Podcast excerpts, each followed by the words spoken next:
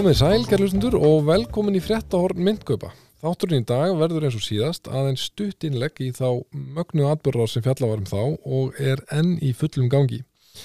En síðustu daga hafa erfileikar og áhyggjur í bankakerfi heimsins aukist. Um helgina tók UBS, stæsti banki Sviss, yfir næst stæsta banka landsins, Credit Suisse.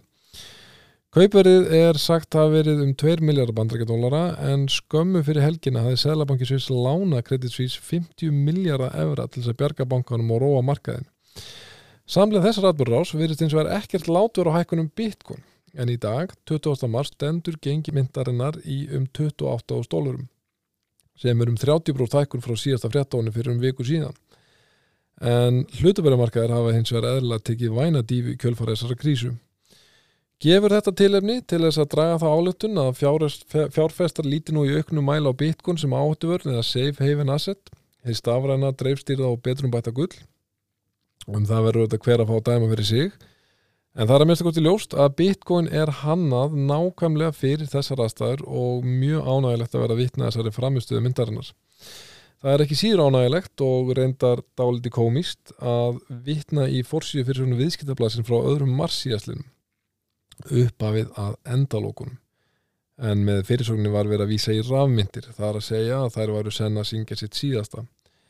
Grundullurinn af fréttinni var viðtal við Jón Danielsson profesor við London School of Economics. En eina rauksendum Jóns verist vera að núverandi gjaldmilar og bankakerfi heimsins virki einfallega það vel að erfitt sé að réttlæta tilvist líðarkerfi sem svo Bitcoin eru þessi orlátin falla mitt í miðjum verðbólgu faraldri sem seglabankar eiga í stökustu vandrað með að glíma við og nú berast daglega frettir af erfileikum og mögulega kerfislægum vanda í bankakerfi heimsins. Ekki veit ég hvað veröld maðurinn lifir en eitt er ljóst hann hefði ekki geta valið óupleiri tímasendingu fyrir þessa sleggjudóma sína. En þá er stóra spurningin. Hvernig bregst seglabanki bandaríkina við þeirri krísu sem nú blasir við? Næsta vakst ákvörum bankans verður tilkynnt kvöldi 22. mars og er óætt að segja að öll augu fjármálamarkans munu beina staðinni. Áður hefur Jerome Powell, selabankastjóri bandreikina, gefið út að 0,25% stega hækkun eða 25 punta hækkun sé væntaleg.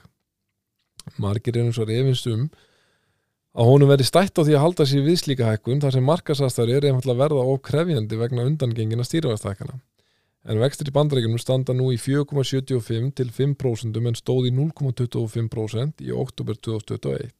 Einn af mörgum afleðingum þessar hækkana er að 10 ára ríkiskuldabri í bandaríkunum sem gefin voru út af þeim tíma þegar vextir voru nálagt 0% hafa hríðfalli í verði og benda margir á að það gæti verið helsta ástæða fall Silicon Valley Bank.